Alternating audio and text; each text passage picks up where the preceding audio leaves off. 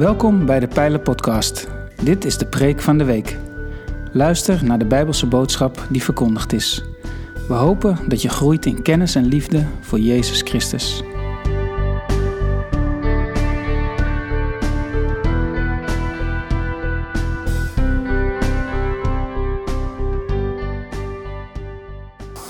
Goedemorgen.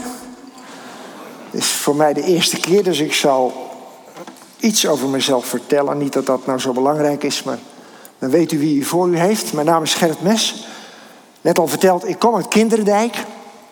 Ik ben 28 jaar voorganger geweest van een evangelische gemeente in de Alblasse Waard. En ik ben inmiddels opgevolgd door twee andere mensen. In, uh, ja, in goede harmonie, want ik wilde zelf een stapje terug doen. En ik ben ook, en dat is misschien eigenlijk nog wel grappiger, 50 jaar timmerman geweest. En daar ben ik ook mee gestopt. Dus ik timmer nog wel wat aan de weg, maar verder niet zoveel meer. Wij hebben drie kinderen. Mijn vrouw is thuis op dit moment. De kinderen zijn al groot, we hebben al kleinkinderen. Daar zal ik straks nog iets over vertellen. Maar dan weet u een beetje wie u voor u heeft. En dit is mijn eerste keer hier. Maar ik ben wel eens in jullie zaal geweest, omdat wij in de vakantie wel eens hier en daar gaan buurten om wat te leren. Dus dat is inmiddels ook alweer jaren geleden. Ik zou graag met jullie lezen.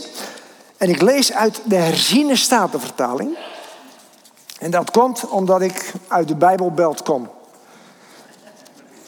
Even voor degenen die daar niks van weten. Bij ons lezen ze allemaal nog uit de statenvertaling. En daar zijn wij eigenlijk al heel, heel modern. Omdat wij lezen uit de herziene statenvertaling. En ik wil het wel even inleiden.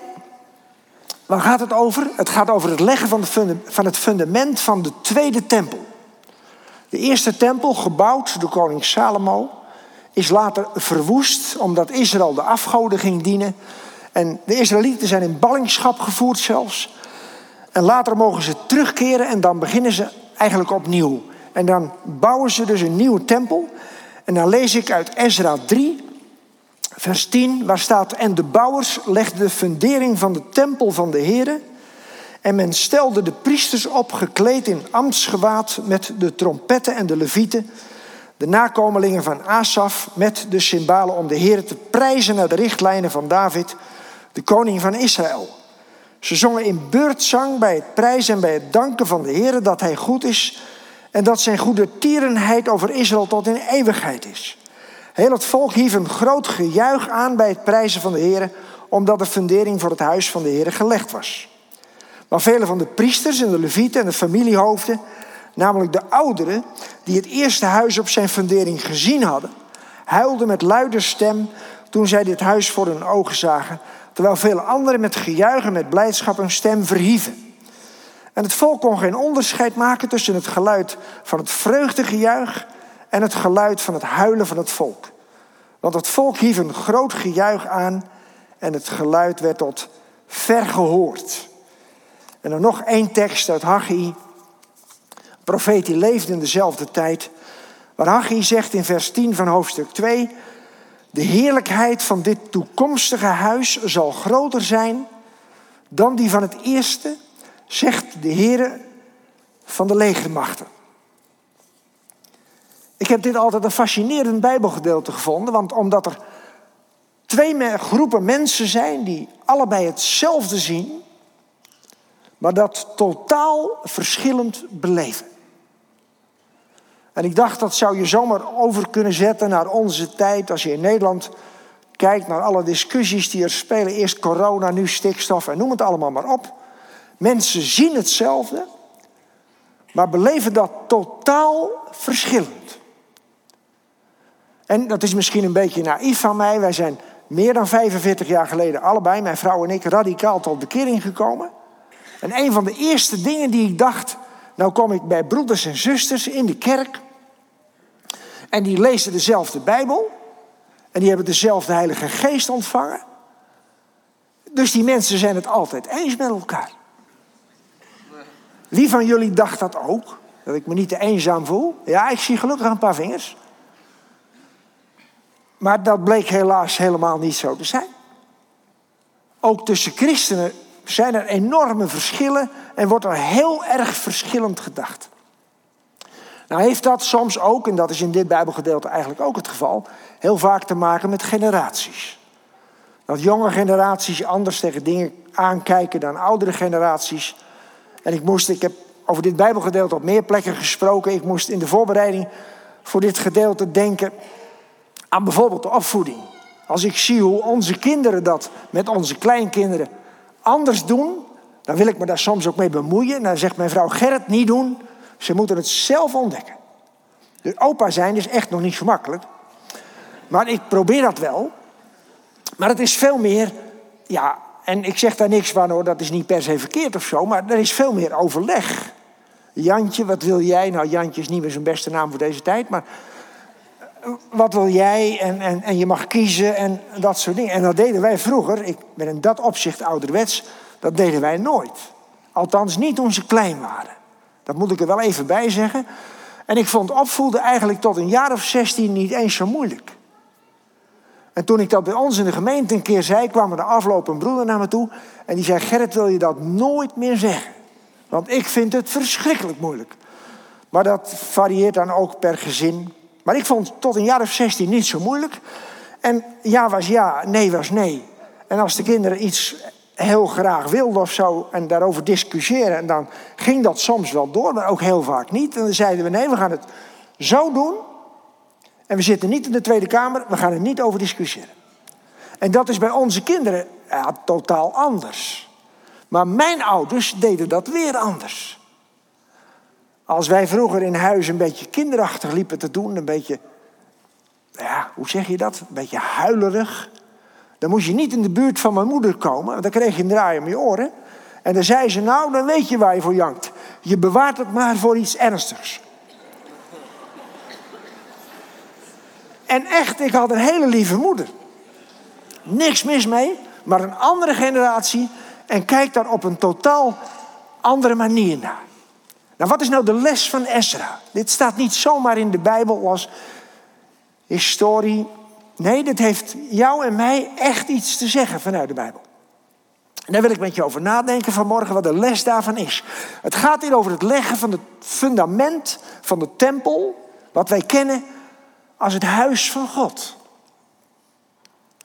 En als je dat vertaalt naar het Nieuwe Testament, of het Tweede Testament, wat ik eigenlijk beter vind, want als je Oud Testament zegt, dan is het net of dat allemaal voorbij is.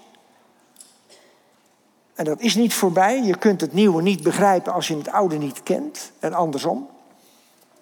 Maar Paulus schrijft aan Timotheus in zijn eerste brief dat de gelovigen samen, zij vormen het huis van God. Dus het gaat niet over een gebouw. Het gaat over een groep met mensen die met elkaar geloven in Jezus Christus. En Paulus zegt daarvan, dat, dat is het huis van God. En als je dat naar onze tijd zou mogen vertalen, het woordje kerk vind je niet in de Bijbel. Maar het is misschien wel goed om dat woordje in dit verband te gebruiken. Je zou kunnen zeggen de gemeente. Maar bij de gemeente denken sommigen ook aan de burgerlijke gemeente.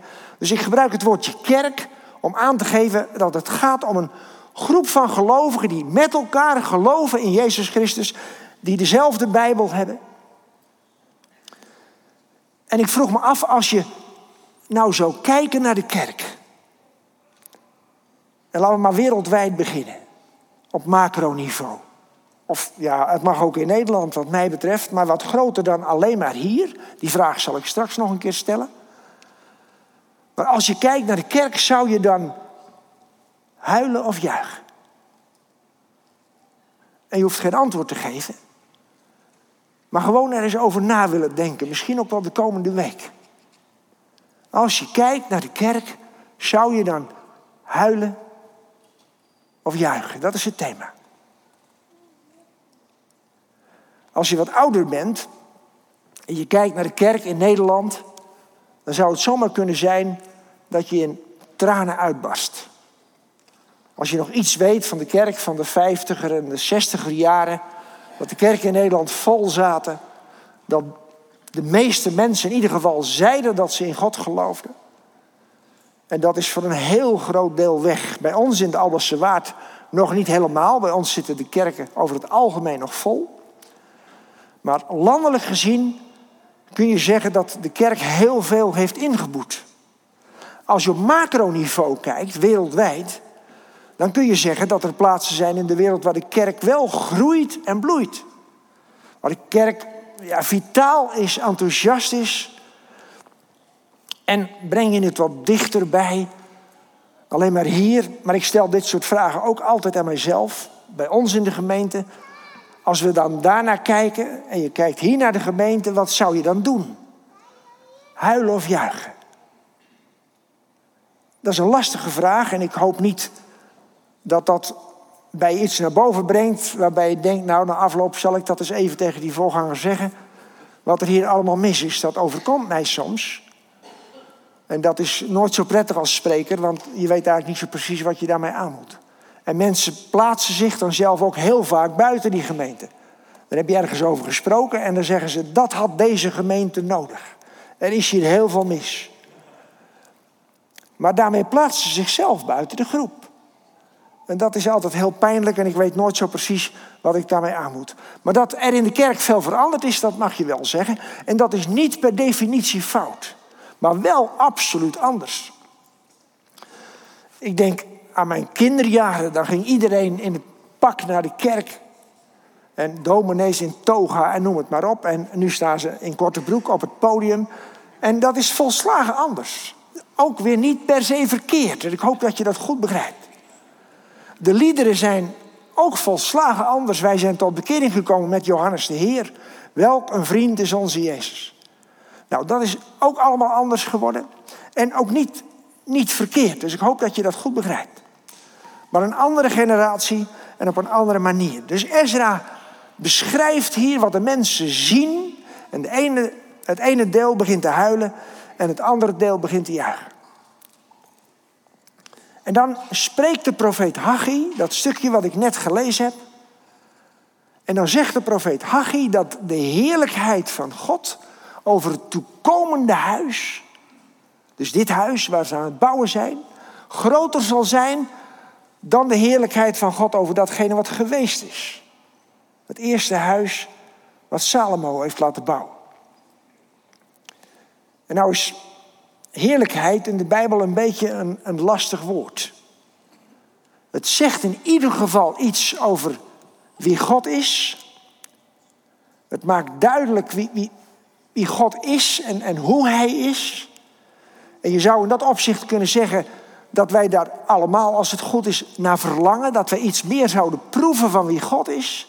En dat als je iemand meeneemt naar de samenkomst, dat je hoopt dat die persoon ervan overtuigd wordt dat God bestaat, omdat hij daar iets van proeft, iets van ervaart. Dat is één kant. De andere kant is dat het lang niet altijd leuk is, mag ik dat woord gebruiken, als God zich openbaart. Bij de profeet Jezaja lees je aan het begin van het Bijbelboek Jezaja dat Jezaja iets te zien krijgt van de heerlijkheid van God. Hij krijgt als het ware een blik in de hemel, een stukje. De andere kant zegt de Bijbel dat je niet God kunt zien en leven. Maar Jezaja krijgt daar toch iets te zien. En het enige wat Jezaja dan nog uit kan brengen is niet, oh wat geweldig, wat ervaar ik God. Nee, Jezaja zegt dan, wee mij.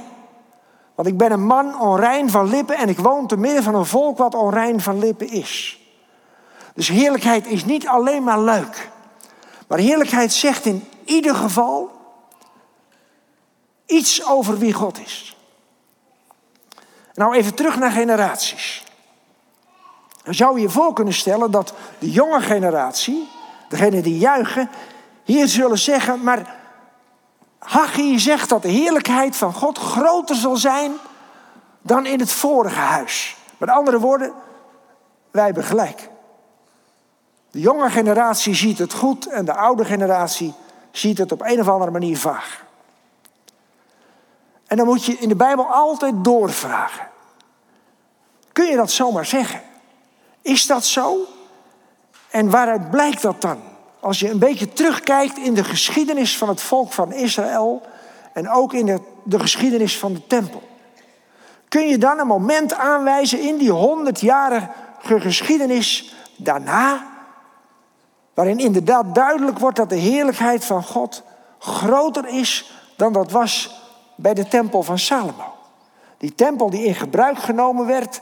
En dat de priesters zelfs de tempel niet konden binnengaan vanwege de heerlijkheid van God.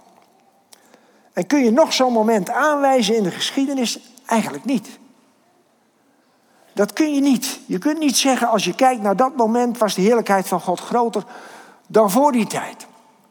Wat je wel kunt zeggen is dat in de tijd van de Heer Jezus die tempel klaar is, daar is 47 jaar aan gebouwd. Later ook nog wat gerestaureerd. En dat de discipelen de Heer Jezus wijzigen, of wijzen op de schoonheid van dat gebouw. Zeg, heeft u, heeft u dat gezien? En dan zegt Jezus iets heel opmerkelijks. Dan zegt Jezus dat er geen steen op de andere zal blijven van dat gebouw. Niks heerlijkheid. En 70 jaar later is dat gebouw verwoest door de Romeinen. Dus als je dat moet duiden, wanneer was die heerlijkheid daar dan, dan, dan kun je dat eigenlijk niet. En op een ander moment, dat de Heer Jezus ook weer in die tempel was, is die tempel vol met mensen die aan het handelen zijn en wisselaars en noem ze maar op. En Jezus zegt de Bijbel, die slaat ze er letterlijk uit. Met een geestel, touwtje met knopen daarin. Dat is niet een beeld wat wij bij de Heer Jezus hebben. En toch doet hij dat. En als hij dan weer buiten staat, dan komen de leiders van het volk en die vragen dan aan hem: Met welk recht doe je dit? Wat is het teken dat je dat zou mogen doen? Hoe kun je bewijzen dat God jou autoriteit gegeven heeft om deze tempel op deze manier leeg te slaan? En dan zegt Jezus iets heel opmerkelijks. Dan zegt Jezus: breek deze tempel af en in drie dagen zal ik haar herbouwen. En zegt de Bijbel erachteraan, dit zeide hij van zijn lichaam. Met andere woorden, Jezus spreekt hier over zijn sterven en zijn opstanding en zijn lichaam als tempel van God. In wie de heerlijkheid van God woont. Dus als Haggai zegt, het toekomstige huis zal meer heerlijkheid hebben, dan spreekt hij over Jezus Christus. Johannes had dat ook gezien. Johannes schrijft in zijn, in zijn evangelie in het eerste hoofdstuk en zegt, het woord is vlees geworden. En het heeft onder ons gewoond, getabernakeld, zegt de vertaling. En wij hebben zijn heerlijkheid gezien. De heerlijkheid als van een enige geborene des vaders. Dus Johannes zegt, als je meer heerlijkheid wil zien, dan moet je kijken naar Jezus. En hij is degene die laat zien wie God werkelijk is. En dat is wat Jezus ook van zichzelf zegt. Als je mij gezien hebt, dan heb je de Vader gezien. Dus als het in de kerk zou gaan over meer heerlijkheid van God, dan kunnen we misschien voor alles verzinnen. Dan kunnen we misschien zeggen, we moeten meer aandacht schenken aan de gaven van de Heilige Geest. Het moet meer gaan over lofprijzing, het moet meer gaan over aanbidding, het moet meer gaan over... Het moet in ieder geval, al die andere dingen zijn ook goed, maar het moet in ieder geval draaien om Christus. En misschien vind je dat raar dat ik dat zeg, omdat je de gedachte kan hebben, ja maar in de kerk gaat het toch altijd over Christus? Nou, dat is de vraag. Ik ben inmiddels op een leeftijd dat je in je leven toch wel een aantal keren meegemaakt hebt, zelfs in onze eigen gemeente, maar ook in andere gemeentes, dat er conflicten ontstonden. En dat mensen niet langer met elkaar door één deur konden. En op een of andere manier dat ook niet verzoend kregen. En ik heb me de vraag daarbij gesteld, was het nou echt zo dat het in al die conflicten draaide om Christus?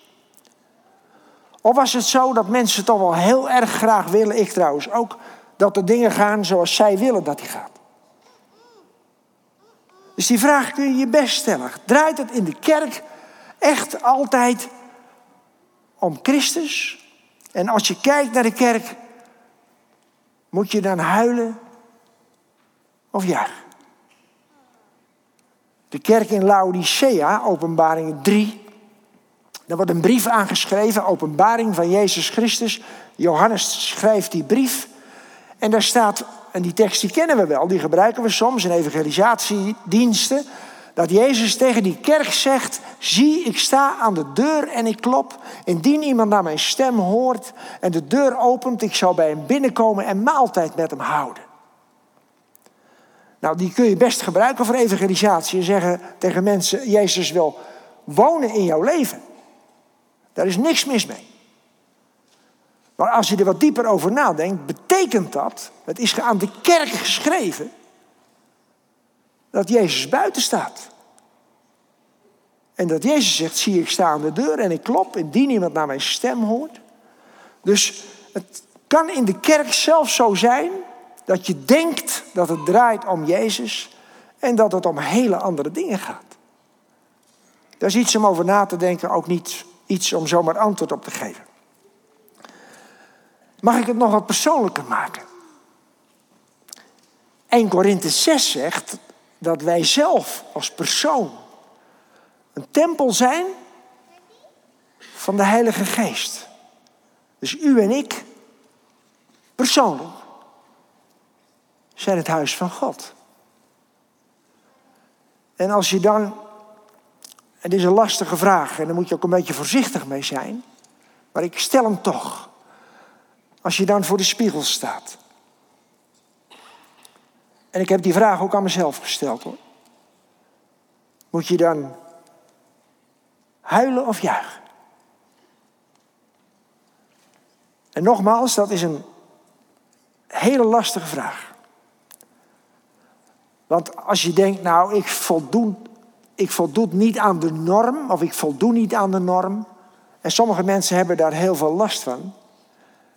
En die mensen zouden overspannen kunnen worden van zo'n vraag. Maar er zijn ook mensen die denken, nou ja, ik ben gered voor de eeuwigheid, wat maakt het uit? En je zou bijna willen zeggen dat die eerste groep nu koffie gaat drinken en de anderen blijven zitten. Want het is ook niet zo dat je kan zeggen, nou, het maakt niet uit. Wij hoeven er niks meer voor te doen. Dat is aan de ene kant waar. Wij leven uit genade. Door het kruis is het genoeg, het is volbracht. En aan de andere kant zie je bij het volk van Israël, bijvoorbeeld bij de profeet Ezekiel, dat de heerlijkheid van God verdwijnt uit het land, omdat zij zich inlaten met afgoden en God niet langer centraal staat in hun leven. En die vraag zou ik mijzelf, maar ook jullie willen stellen. Staat Christus centraal in je leven en draait het werkelijk om Hem? Aan het begin van de Bijbel, het Bijbelboek Exodus, Exodus 33, staat een verhaal over Mozes, de leider van het volk van Israël. En Mozes heeft het zwaar, dat volk doet altijd iets anders dan hij wil. En altijd lastig, en daar spreekt hij met God over. Dan zegt hij: Heb ik soms dit volk gebaard? Is dat mijn schuld? En dan gebeurt er iets opmerkelijks. Dan is er weer van alles fout gegaan met dat volk van Israël. En dan zegt Mozes niet tegen God: Wilt u alstublieft dat volk veranderen? Soms blijkt dat wel een beetje uit datgene wat hij zegt, maar hier zegt hij iets heel opmerkelijks. Omdat hij zich, denk ik, realiseert dat als hij een goede leider van het volk wil zijn, dat hij in de eerste plaats zelf moet veranderen. En Mozes stelt dan de vraag aan God: Doe mij toch uw heerlijkheid zien. Dus hij vraagt niet van wilt u dat volk veranderen of mij wat meer talent geven om het te leiden. Nee, doe mij toch uw heerlijkheid zien. En Mozes is een man waarvan de Bijbel zegt dat God met hem spreekt als met een vriend. Dus als er iemand was die God zou kennen en zou weten wie God is, dan is dat Mozes. Maar ook Mozes beseft, het kan altijd dieper, het kan altijd beter, het kan altijd meer. En Mozes verlangt ernaar om iets meer van God te zien. En God zegt ook tegen Mozes, dat kan eigenlijk niet. Maar je zult mij van achteren kunnen zien. En als Mozes dat dan te zien krijgt, dan hoort hij de stem van God. En die stem roept uit dat God vol van goedheid is, van ontferming en van genade. En dat doet zoveel met Mozes, hoewel hij dat voor die tijd ook wist. Maar hier krijgt het diepgang. En dat doet zoveel met Mozes dat de Bijbel vertelt dat als Mozes de berg afgaat, naar het volk.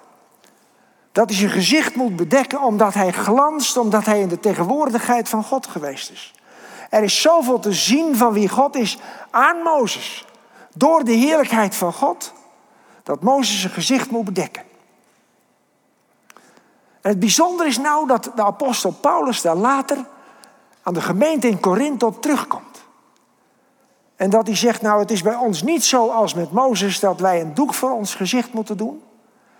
Maar het is wel zo dat wij als christenen, als kerk van God, Christus zouden moeten weerspiegelen.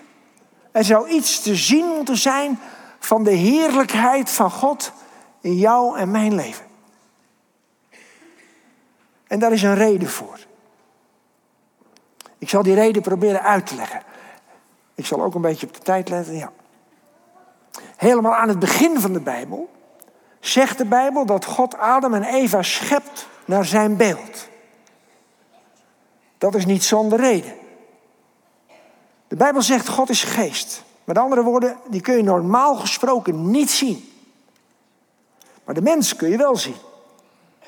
Dus de bedoeling is, de achterliggende gedachte is dat als de schepping naar de mens kijkt, dat zij iets ziet van de grootheid, de genade, de ontferming van God. En u weet wat er gebeurd is door de zondeval. Dat beeld is aangetast, de dood is de wereld binnengekomen. Maar je leest nergens dat God zijn plan ingetrokken heeft. En nog steeds is het zo dat de hele schepping wacht, zegt de Bijbel in Romeinen 8, op het openbaar worden van de zonen Gods en dochters. Dat hoort erbij. Dat is één. Dus de schepping ziet er nog steeds naar uit dat God zichtbaar wordt in levens van mensen. En dat zal als Jezus terugkomt is een totaliteit zijn. Maar de bedoeling is dat er ook hier al wat van gezien wordt. Weet u dat als wij het over zonde hebben, dan denken wij vaak, ja, uh, liegen, stelen, uh, nou noem het maar. Dat, dat is zonde, dat mag niet en dat is niet goed en, en daarom zou je het niet moeten doen. Nee, zonde gaat veel dieper. Als de mens geroepen is om te laten zien wie God is, dan moet je proberen voor te stellen, en ik bedoel dit niet spottend, maar dat in het paradijs er twee giraffen met elkaar in gesprek zijn. En de ene giraf tegen de andere giraf zegt: Heb jij gezien hoe trouw Adam is naar Eva? Zo is God. Heb je gezien hoe lief Eva is naar Adam? Zo is God. En snap je nou wat er gebeurt als wij dat niet zijn? Als wij zeggen het maakt niet uit of je trouw bent of niet. Dat dan de schepping, de wereld, de mensen om ons heen kunnen zeggen, ja zo is God, niet te vertrouwen. Dat als we oneerlijk zijn, dat mensen om ons heen kunnen zeggen, ja zie je nou wel, zo is God. Dus dat beeld van God is zo belangrijk en God heeft dat plan nooit ingetrokken. En Paulus schrijft aan de Corinthiërs dat wij veranderen van heerlijkheid tot heerlijkheid. Dat wij iets mogen weerspiegelen van wie Jezus is. En ik hoop iets van dat verlangen vanmorgen aan u, aan jou over te dragen. Dat verlangen van God om door jou en mij, door de Heilige Geest, iets te laten zien van wie Hij is. En het is altijd lastig om een verlangen over te dragen. Maar ik hoop dat je er de komende week nog eens over na wilt denken. Als je thuis voor de spiegel staat, zou ik nou huilen of zou ik juichen? Amen. Ik wil nog afsluiten met een gebed ook. Vader, dank u wel dat wij na mogen denken vanuit uw woord. Na mogen denken over uw verlangen om uzelf door ons heen te openbaren aan de wereld om ons heen. En dat wil ik u bidden, Vader, dat, dat ook wij dat verlangen hebben. Dat ik dat verlangen heb mogen wekken vanmorgen in harten van mensen. Dat wij als gemeente, als, als pijler, dat verlangen hebben om het te zijn voor onze omgeving, te laten zien wie God is. Dat wij als individu Mogen laten zien wie u bent aan onze buren, op ons werk, waar dan ook. Heer, dat kunnen we niet uit onszelf. En ik, ik bid u ook dat we daar niet overspannen van zullen worden, alleen van de gedachte al. Maar dat is uw verlangen. Je maakt ons mensen zoals Mozes. Die zeggen, Heer, doe mij toch uw heerlijkheid zien. Om dan te ontdekken dat we nog maar zo'n klein stukje van u begrepen hebben. Van uw ontferming, van uw barmhartigheid, van uw genade, van uw grootheid. Heer, zo wil ik u zegen bidden over mijn broers en zussen, over mijzelf. In de naam van Jezus. Amen.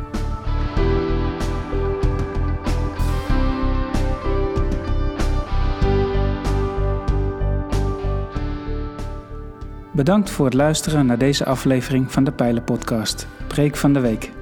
Heb je vragen naar aanleiding van deze preek? Stel ze. Dat kan via een e-mail naar onderwijs.pijler.nl. We helpen je graag verder in je groei als leerling van Jezus Christus. Abonneer je op deze podcast, zodat je altijd op de hoogte blijft van het onderwijs uit de Pijler. Goede week gewenst, ga in vrede, want God is nabij.